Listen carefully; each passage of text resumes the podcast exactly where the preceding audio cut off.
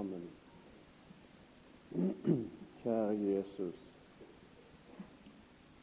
Vi takker deg for det vi allerede har fått lytta til i dette møtet i kveld, både gjennom åpning og gjennom sang. Og Nå har du dine øyne vendt imot denne forsamling og mot dette møtet, for du har så lyst til å møte oss alle sammen.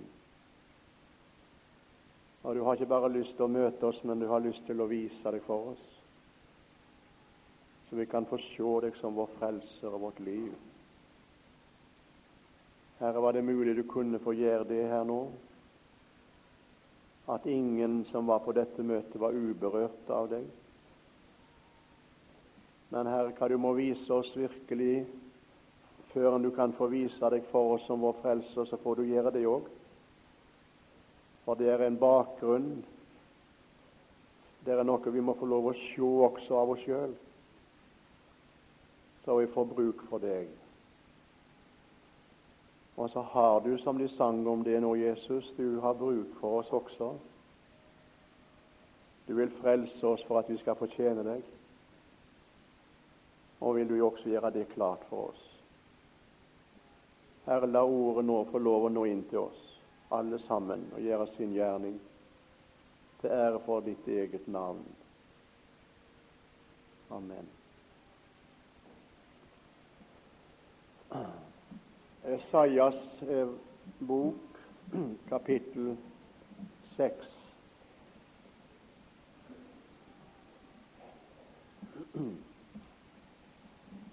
Fra det vers, første verset leste vi Jesu navn. I det år kong Ussias døde, så jeg Herren sitte på en høy, høy trone, og slep av hans kåpe oppfylte tempelet. Serafer sto omkring han, seks vinger hadde hver. Med to dekket han sitt åsyn, med to dekket han sine føtter, og med to fløy han. Og den ene ropte til den andre og sa, Hellig, hellig, hellig er Herren, er skarenes Gud. All jorden er full av Hans herlighet og tresklenes poster bevet ved rop, de ropendes røst, og huset ble fylt med røk. Da sa jeg ved meg, jeg er fortapt, for jeg er en mann med urene lipper, og jeg bor midt iblant et folk med urene lipper, og mine øyne har sett Kongen, Herren, herskarenes Gud.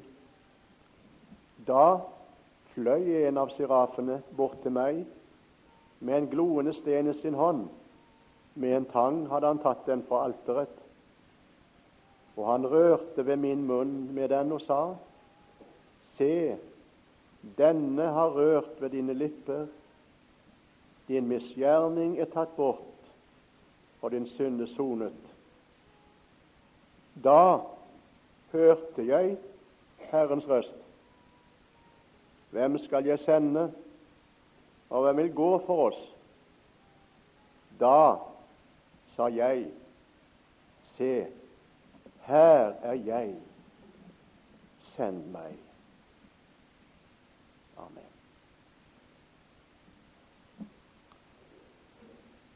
Esaias fikk et møte med Gud i helligdommen.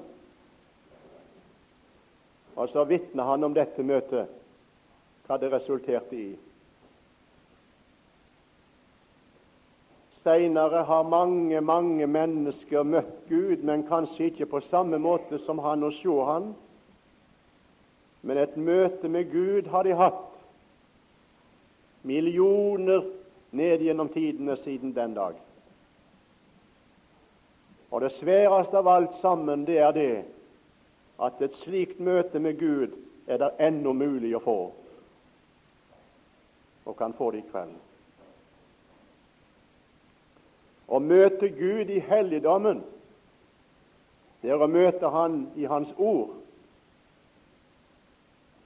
Og høre hva det sies der om Han, som fremdeles 1985 er den tre ganger hellige Gud. Han er ikke forandra seg.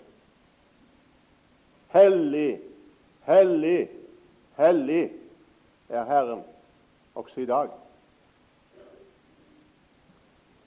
Og Jeg må gjerne få lov å stille det spørsmål ved innledningen til min vesle tale i kveld.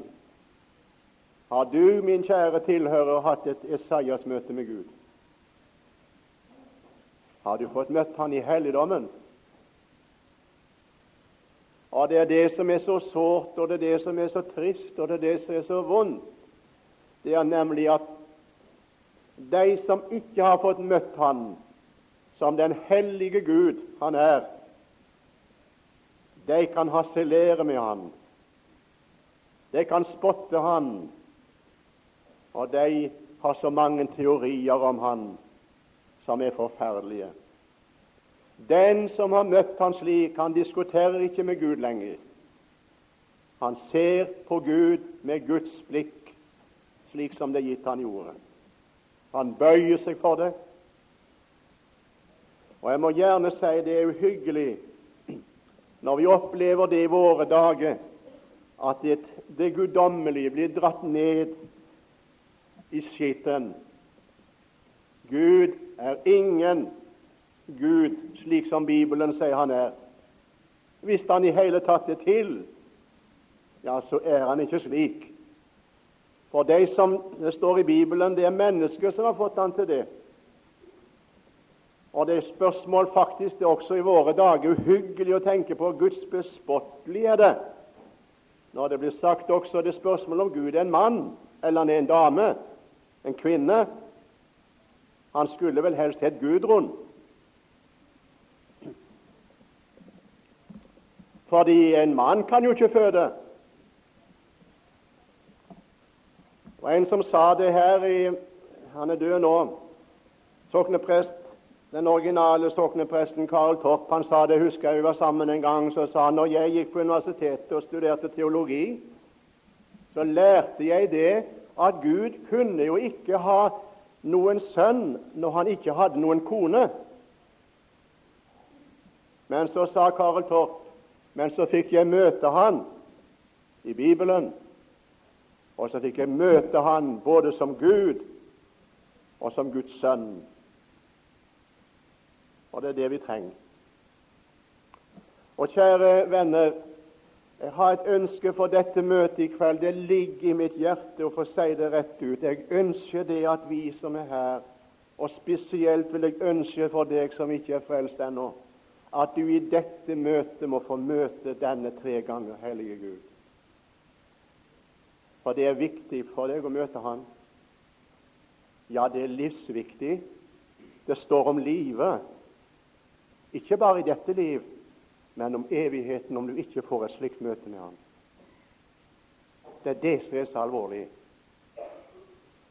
Jeg har selv lest det som står i som Giske nevnte her ved åpningen. Og Det var min kjære broder Urke også. Vi snakket litt før møtet her, og så siterte han også det og det er merkelig de har lagt i meg også i dag. Der Jesus gråter over Jerusalem. Jeg har lest det sjøl i dag.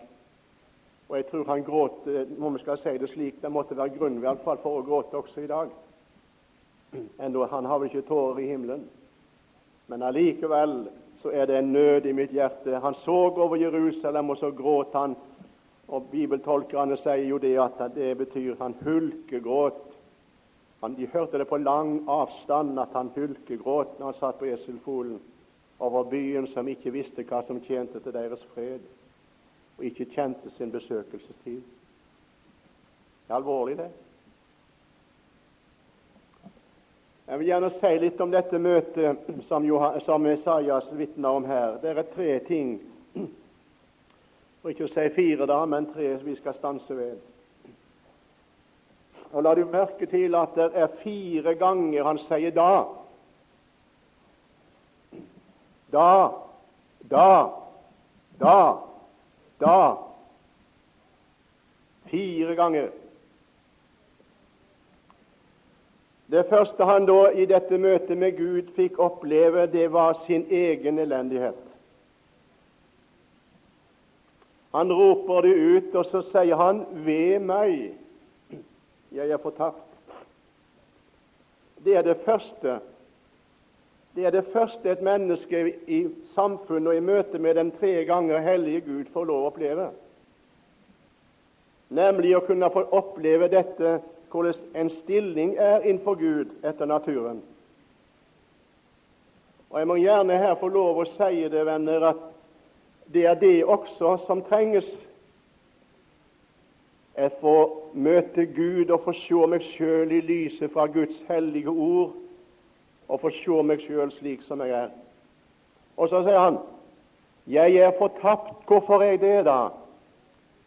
For jeg er en mann med urene lipper, og jeg bor iblant et folk som har det på samme vis. Det merkelige det er det at han sier det, Esaias her. Han sier ikke 'jeg er en mann, jeg er fortapt', fordi jeg er en mann som har gjort det og gjort det og gjort det. Konkrete synder. Han hadde sikkert ting som han kunne si framfor Gud og si 'Du vet, jeg har gjort det den gangen og det den gangen og det den gangen'. Konkrete synder. Men hva er det Sajas får se, kjære venner? Han får se sin natur. Og Det er det som ligger i dette når han sier 'en mann med urene lipper'.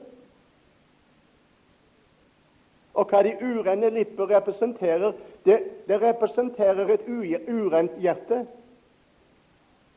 For det hjertet er fullt av, det taler munnen. Og Jeg må gjerne her få lov å si det. Jeg blir veldig jeg må si det mange ganger, jeg blir veldig bedrøvet på samme tid som jeg syns det er alvorlig. Nemlig dette her at når vi snakker om synd i dag, så snakkes det om synd. Er det synd? Er det synd? Nei, det er ikke synd. Er det synd? Er det ikke synd? Og så graderer en opp i handling hva som er synd, og som ikke er synd. Jeg kan gå med det på det, være med der, for det er ikke synd. Og det der, det er vel synd, derfor skal jeg ikke være, gjøre det. Jeg husker på en leir en gang. Mange år siden jeg reiste mye på leir og var mye blant yngres ungdom. Så kom det inn spørsmålskassen en masse spørsmål, en bunke. Og Så sier hun som leder av den leiren så sa du får svare på de spørsmålene, du. Og Så var det spørsmål etter spørsmål fra disse unge, da, guttene og jentene. Og Spørsmålene lydde slik Er det synd å krølle seg? Er det synd å male lippene sine? Er det synd å gå med øredobber? Er det synd å gå i, i, i bukser? Mannfolkebukser for kvinner. Er det synd å gå på kino? Er det synd? Er det synd? Er det synd? Er det synd? Jeg ble lei når jeg så den, der, den munken, men jeg, på samme tid så var jeg virkelig glad. Og nå fikk jeg gjerne snakket snakk med dem om synden. Jeg kunne godt ha lagt det fram for deg og sagt det dere skal du ikke gjøre. Det er synd. Konkret. Det der det, det, det hører med til adiafora-spørsmålene. Jeg kunne sagt det der er ikke synd. Og det var ting som kunne sies rett ut at det var i grunn ikke synd om en var med på det og gjorde det, uten at jeg skal nevne noe konkret. Så husker jeg det jeg tok bunken og så la den fram på kateteret. Og så sa kjære ungdommer, jeg kunne godt ha svart på disse spørsmålene deres her. Jeg forstår nøden. Dere er sikkert usikre om dette kan være med på dette, og gjøre dette og være dette. Jeg må gjerne si dere, det er ting vi kunne peke på direkte og si til kristen ungdom i dag. Det er der fører deg bort fra Gud, om du er med på det. Der hvor Jesus utestenges, der må du ikke selv gå inn.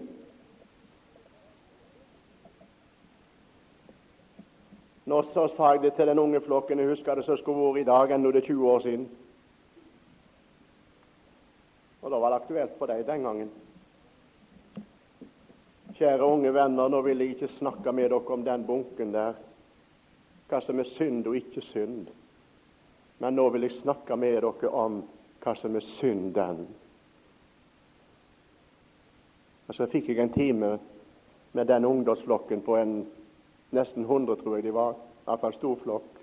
Det var så stilt, så stilt. Og så talte vi med hverandre om hva som er synden. Og så sa de det har vi aldri sett. Jeg sa det den gangen, jeg har sagt det mange hundre ganger siden, både til elevene mine på bibelskolen og ellers. Synden er ikke det du gjør, det er utslag, men det du er. Det du er.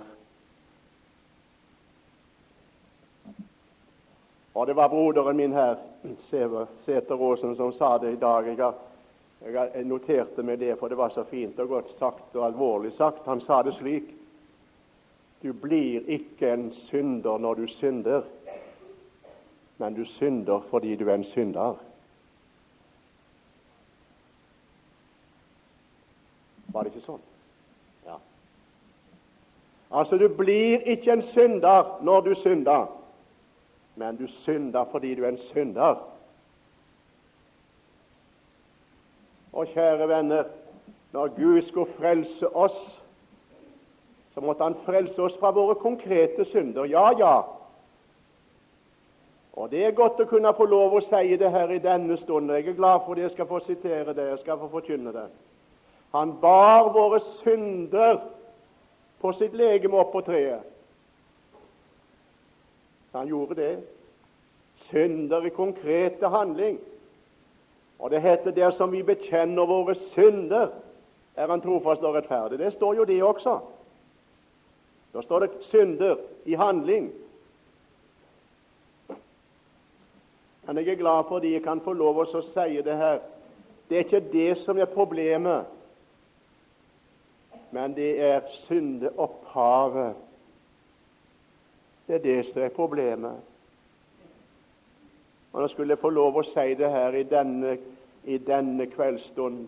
Du kan sikkert ha levd et fint liv. Du behøver ikke ha levd på skråplaner og synda i konkrete handling og levd ugudelig osv. Det er mange mennesker som sier det. 'Jeg har ikke gjort en katt for tre deg.'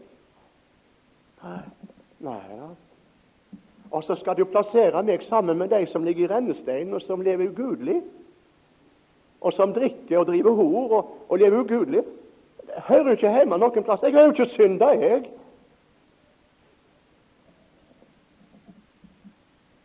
Synden sitter ikke i handlingen, den sitter i hjertet. Jesus han talte med sine venner en dag, og så sa han til jødene så sa han, ikke det som går ut inn i mennesket gjør mennesket urent. Men det som går ut av mennesket, for fra hjertet kommer vonde tanker, mord, hor, bespottelse osv. Det er det som gjør mennesket urent. Jeg må gjerne få lov å spørre deg som er kommet hit til dette møtet, enten du er ung eller eldre, har du noen gang fått sett deg sjøl i lyset fra det? Ved meg jeg er fortapt for en mann med urene lipper, som representerer et urent hjerte. Bibelen kaller det for synden i kjødet. Vår gamle natur, vårt gamle menneske. Det er vårt problem som mennesker. Og det sitter så fast, skjønner du. Og En som har sagt det slik Du kan ikke gi din synd til Jesus uten å gi deg sjøl. Og du kan ikke gi deg sjøl til Jesus uten å gi din synd. For det er du som er den. Noen som mente den gang at de skulle kunne klare det der og bli fri i den gamle naturen. Husker det fra min barndom. Det var en, noen venner da som hadde det som lære. At når de ble frelst og tok imot Jesus, så, så han, tok han ikke bare synden bort, men han rykte syndetreet opp med rot. Kunne ikke synde, nei. Nei, da kunne en ikke gjøre noe mer, for da den gamle naturen den var totalt vekke. da, for En hadde ikke den lenger her inne heller.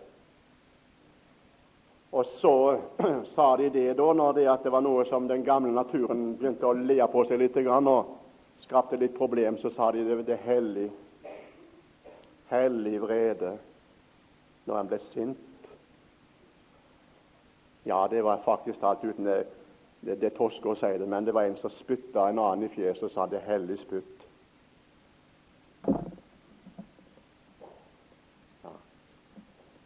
Nei, folk. Den gamle naturen, det. Og Jeg må gjerne her få lov å si dere, kjære for venner, unge og eldre Gud jeg var helt maktesløs med den gamle naturen din.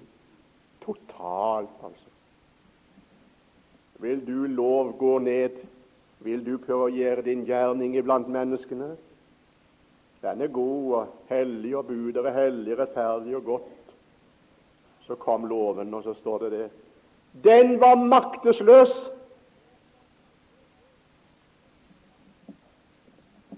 Hvorfor det, da? På grunn av kjødet.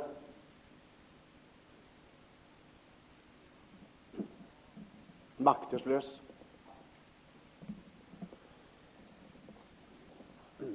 Det eneste Gud kunne gjøre med det med gamle mennesket, vår falne natur, det er å bare å korsfeste det. Og det gjorde han. Sette det totalt til sides og gjøre det helt ubrukelig, udugelig. Han går inn i slekten på en helt annen måte. Ingen restaurasjon av den falne natur. Ingen restaurasjon av Adams-naturen. Ikke å pynte på det og flikke på det og restaurere det og få det bedre og bedre. Nei, han setter det totalt til sides. Og kjære venner, så går han igjennom en stedfortreder og ordner saken. Det er redningen min og din. Og nå er det andre. Jeg er ingen uh, finsnikker. Det var punkt nummer to. Nei. Jeg baler lite grann når jeg er på landet, i huset mitt på landet, og spikrer litt grann og slik, men noen finsnikker er jeg ikke. Det vil jeg ikke gi meg ut for. Så kom du likevel til meg, og så nå tenker vi da var en sånn snekker, finsnekker. Så kom du til meg med en, eh, et eh, stort, eh, langt bord stubbe. Og så sa du kanskje du, Henrik, være så snill å lage ei bokhylle til meg. Jeg har så lyst på en bokhylle. Du er snekker, kanskje du lager det der? En bokhylle av det? Så vet du, jeg var jo snill og hadde en god høvel og, og hadde, hadde et verksted som jeg ikke har. Men eh, eh, fantaserer nå. Så kom jeg, og så la jeg eh, denne bordstubben på høvlebenken og tok ned den flotte høvelen min, og så begynte jeg å høvle.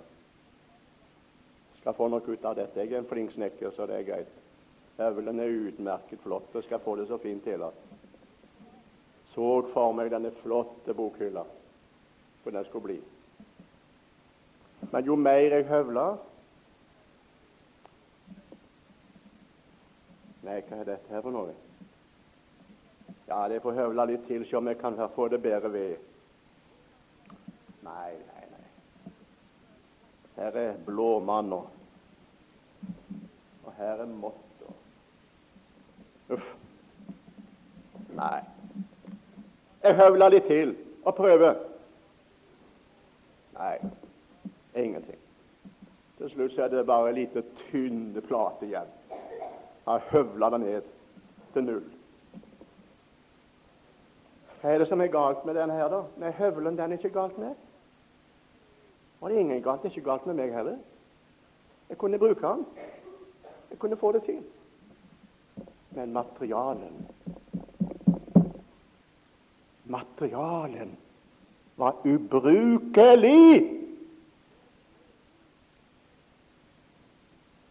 Hva gjorde jeg så? Skrudde opp, heiv den til sides. Den stubben som var igjen, gikk inn på mitt eget lager, som jeg ikke har. Tok en fin, fin bostubbe. Å nei, her fins det ikke mått, og her er det ikke blåmann. Og her, og her er det ikke noen ting i dette. Blåmann, dere vet hva det er, vel? Ikke blåmannbukken, men det er den der blå fargen, vet du. Ja, det var ikke noe sånt, og så la jeg han på høvlebenken, skudde til, og så begynte høvelen. Og så fikk jeg det til. Jeg får lov å si deg en ting, min kjære venn, i dag. Det var det Gud har gjort. Det gamle mennesket kunne han ikke med, altså. Jeg kunne ikke få det til. Jeg har aldri sagt at han kunne få det til. Og det er ganske umulig. Nå skal du høre. Det som var umulig for loven, høvelen, snekkeren bak høvelen Det som var umulig for loven idet den var maktesløs på grunn av kjødet, det gjorde Gud idet han sendte sin sønn i syndig kjøtts lignelse og fordømte syndene som vi har gjort, konkrete synder. Nei, han gikk lenger. Du hører hva det står? Han fordømte synden i kjødet. Den Herre Jesus gikk ikke bare ned til syndene dine, Hør det, min kjære venn som ikke tror deg frelst. Han har ikke bare tatt syndene dine, men han tok syndenaturen med seg i døden. Det står skrevet, det. Og jeg er aldeles sjokkert over mange ganger når jeg underviser romerbrevet på bibelskolen. Har hendt flere ganger det. Jeg har hatt undervisning av romerbrev i mange år. Og Når jeg kommer til kapittel 6 og kapittel 7, så setter elevene som levende spørsmålstegn. Det har de aldri hørt. Og jeg spør hva har du blitt forkynt i i hjembygda sitt bedehus?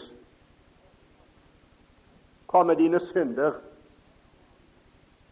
for tilgivelse La oss bekjenne våre synder.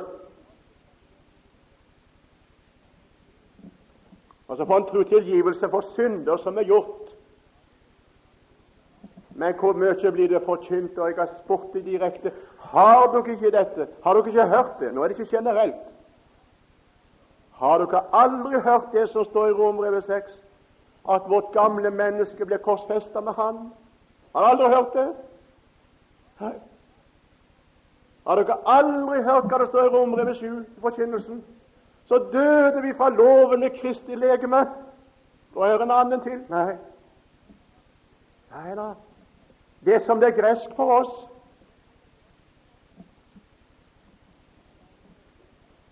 Det er alvorlig å tenke på dette, at det er i Norge, som har hatt evangeliet så lenge, at det er stat i dette landet der dette blir neglisjert i forkynnelsen, men så viktig.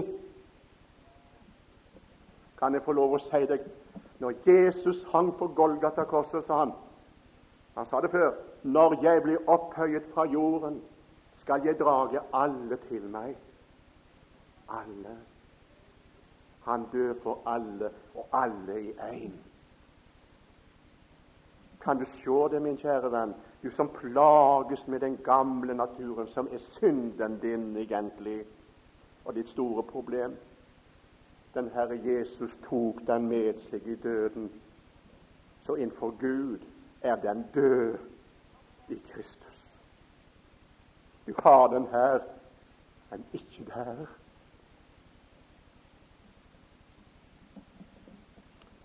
Og det var det andre han fikk se.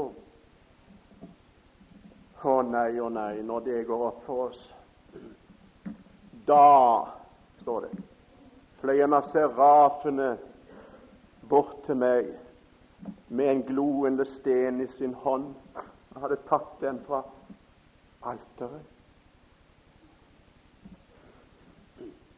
Jeg vil oversette det slik og anvende det slik. Han tok evangeliet om korset og Jesu død. Og så sa han til meg Nå skal du høre. Denne har rørt ved dine lipper. Din misgjerning er tatt bort, og din synd er sonet. Sa han bare det?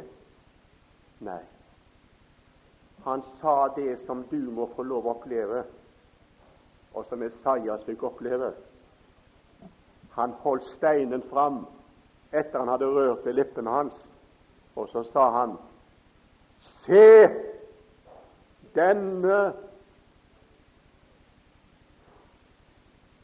Se denne Denne har rørt ved dine lipper. Din misgjerning er tatt bort, og din synd er sonet. Å nei, når vi får se Jesus dere i evangeliet, og får se hans døds betydning for Gud, og får se hva Gud gjorde med vårt gamle menneske. Han fordømte synden i kjødet som vi har her inne, i Kristi stedfortredende død på Golgata. Redningen. Har du sett det? Etter et møte en plass kom det en ungdom fram til meg til plattformen så godt på meg, og så sa han, 'Kjenner du meg igjen?' Nei, sa jeg, det gjør jeg ikke. Jeg tok av meg brillene og, og så riktig på han og prøvde Nei, nei. Ja, ja, men du, han, du kjenner meg likevel, sa han, for jeg er NN. Så ga han sitt navn. Når du var i min heimbygd, husker du det? Jeg står på Vestlandet, og du ba til Gud for meg. Ja, men det er lenge siden. Ja, jeg var tolv år den gangen. Nå er jeg 19. Den kvelden hadde jeg talt over teksten, husker jeg. Vi vil gjerne se Jesus. Grekerne. Så sto 19-åringen framfor meg og så sa han, 'Husker du når du ba for meg på det møtet som tolvåring?' Ja, jeg husker det. Men jeg hadde så liten tid, for det var så mange jeg skulle snakke med, som ba om forbønn og hjelp. Som bare ba jeg i kort bønn for tolvåringen og gikk videre uten å ta tid med ham. Skulle jo ta tid med ham. Så står han sju år etterpå, denne ungdommen der, og så sier han rett opp i ansiktet på meg. Så det gikk like inn i hjerterøttene. Henrik, sa han, jeg har ennå ikke fått sett Jesus. Men har du ikke det? Så mange år har jeg ikke sett Jesus. Jeg kan ikke si at jeg har sett Jesus som min frelser. Jeg skal ikke ta tid å forklare noe annet det som skjedde. Vi satt iallfall i en, nærmere, jeg tror nærmere halvannen til to timer. Og jeg sa jeg skal ta tid nå. Og så leste jeg fra Bibelen i bønn til Gud. Nå må du gi denne ungdommen lyset i ditt lys. Jeg leste fra sangboken sanger for han, vitner for han og sa kan ikke se noen ting. Kan ikke få tro dette meg. Så skjedde det noe som ofte kan skje når du er i veldig nød, for jeg, det var iltelegram til himmelen. Gud, nå må du svare. Gjør et under her nå med denne ungdommen, han slipper gå lenger slik så sa Den hellige ånd så klart og tydelig Han må lese Esaias 53. Jeg slo opp Bibelen og leverte boka over til gutten som satt der. Så sier jeg nå skal du lese Esaias 53. Begynn fra vers 1. Så leste han. Hvem trodde det budskapet vi hørte? For hvem ble Herrens arm åpenbaret, osv. Så, videre. så kom han ut til vers 4, leste det, om våre sykdommer som han tok på seg, og våre piner som han bar, osv. Så, videre. så kom han til vers 5, Og så sier jeg stopp nå. Du skal bruke ditt ord nå inn. I, altså pronomen jeg og meg. Mitt. Såret for mine. Så leste gutten, jeg glemmer det aldri så lenge jeg lever, tror jeg. Han leste Han er såret for mine overtredelser, knust for mine misgjerninger. Straffen lå på ham for at jeg skulle ha fred. Og ved hans sår Så stanset gutten å lese, og så tenkte jeg du må ikke, du må ikke slutte nå. Jeg satt med munnen full, og, og så skulle hun si det Du må lese videre. Jeg kan ikke forklare det, men det var noe som skjedde i den unge gutten sitt hjerte.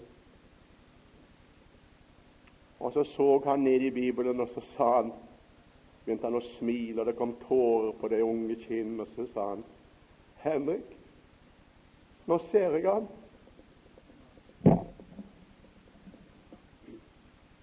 Hva ser du nå? Ser, jeg ser Jesus her. Der står det, sa han, ved hans sår har jeg fått legedom. Og jeg skal gått og venta på det sju år.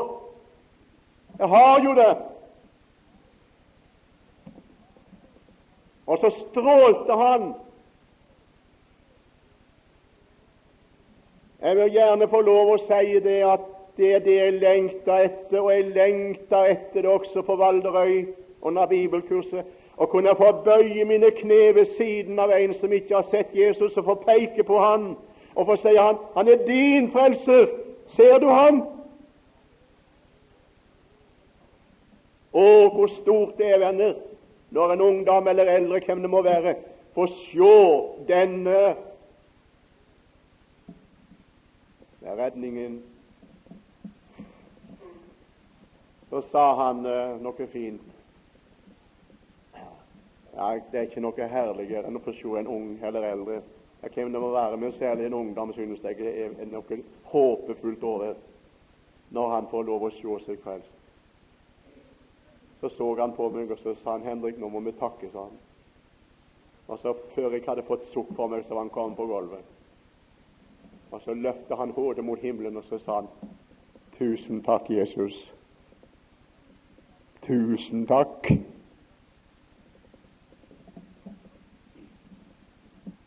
Ja, Har du sagt det? Det kan bli din erfaring.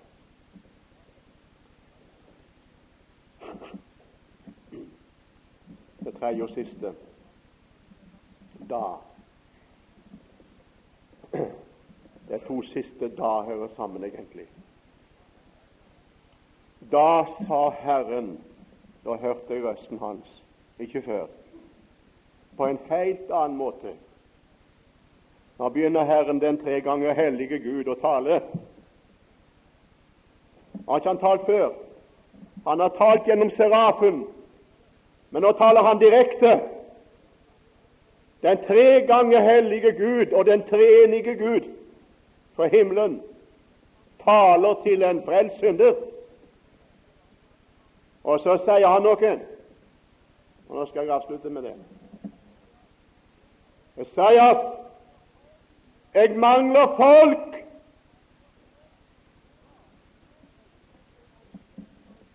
Vi mangler folk. Hvem vil gå for oss? Hvem skal jeg sende? Hvem skal gå ikring i Sunnmørsbygdene med evangeliet? Hvem skal gå ned til barna i søndagsskolen og forkjenne det i evangeliet? Hvem skal ta seg av de unge for å få dem til å være med i Guds rikes arbeid på jord og leve med Herren?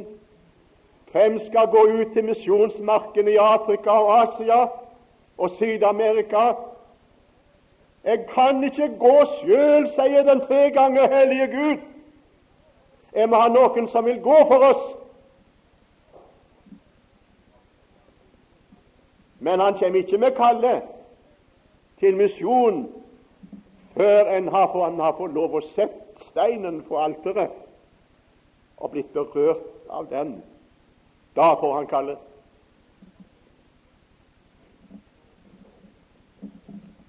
Hvem vil gå for oss? Hvem skal vi sende? Og så er himmelen spent. Å ja, hvor går det? Er det noen som melder seg nå? Er det noen? Så står den unge der. Jeg synes jeg, jeg, jeg føler det iallfall slik at han, han, han, som han vil si Herre, kan ikke du slutte å kalle nå?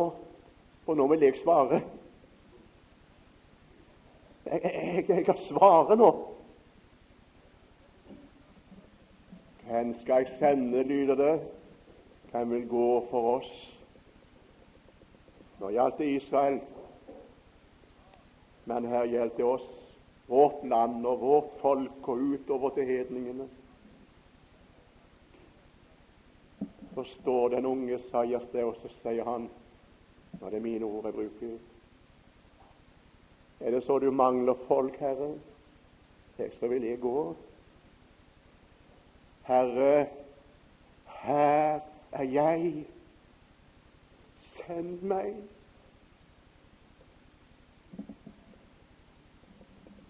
Han skulle slippe tvinge han.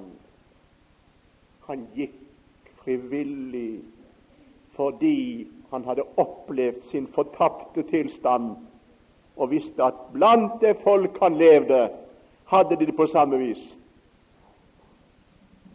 Jeg bor midt iblant et folk med urene lipper. Og så hadde han fått sett redningen, og så hadde han ingen valg. Nei, det var spørsmål bare om én ting. Når kan jeg få reise? Kan jeg få gå i dag? Kan jeg få gå med en gang?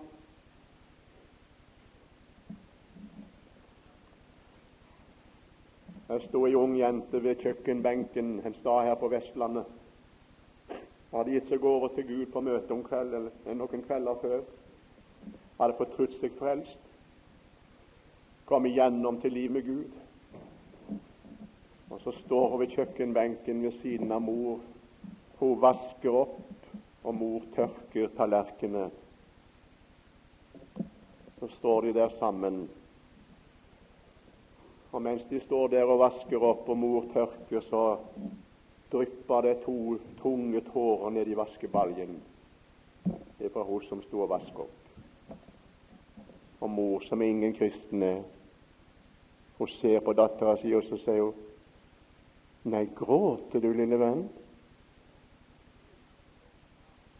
Har du det vondt? Ja, sa jenta, jeg har det så vondt i hjertet. Har du vondt i hjertet? Må vi gå til doktor? Nei, det er ikke slik vondt, mamma. Jeg har så vondt i hjertet fordi at ikke du er frelst.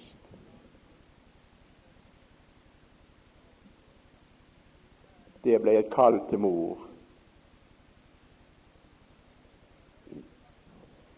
Ikke mange dagene deretter så lå disse to ved divanen i stua så fikk hun be for mor, og så kom mor også med. Evangeliet skaper nød i hjertet etter at andre må bli det. Og hvor fint det er når du hører mennesker gi seg over til Gud. Og når de ligger der og får to seg frelst, så sier de, kjære Gud, så må du frelse kameraten min, venninnen min, far og mor. Og jeg er veldig grepen mange ganger på bibelskolen også. Komme unge, staute ungdommer, elever til oss fra en verdslig heim. Og hvor mange ganger jeg har opplevd det på mitt kontor at elever har kommet inn og sagt Henrik, kan vi be sammen for far og mor? Ikke frelst. Jeg har lyst til å høre Jesus til og følge han, men og så gråter de, og du som måtte være her som ufrelst far og mor og ha troende barn. Du må være hard som stein. Men det er du sikkert ikke. Det er bare dette at du, du gir deg ikke over. Men tenk på tårer fra den unge jenta som ligger på kontorkrakken og gråter fordi far ikke er frelst og mor ikke er en troende. Nøden er det. Og Nå vil jeg avslutte med å si et Esaias møte med Gud fører til det resultat at en får en villig ånd. En villig ånd som David. Gi meg en villig ånd, sier han, så vil jeg lære overtrederne dine veier, og syndere skal omvende seg til deg. Tenk om vi fikk et slikt møte i kveld. Det kan skje. Så skulle det glede himmelen og jorden. Herre Jesus. Og om du kunne få stanse noen, og om du kunne få gjøre din gjerning slik at de fikk bruk for forsoningen og frelsen i deg, og fikk sjå seg frelst på det fullbrakte verk. Og så få komme, Herre, og stille seg til disposisjon. Frelst jeg er for å tjene. Velsign møtet vårt videre. Amen.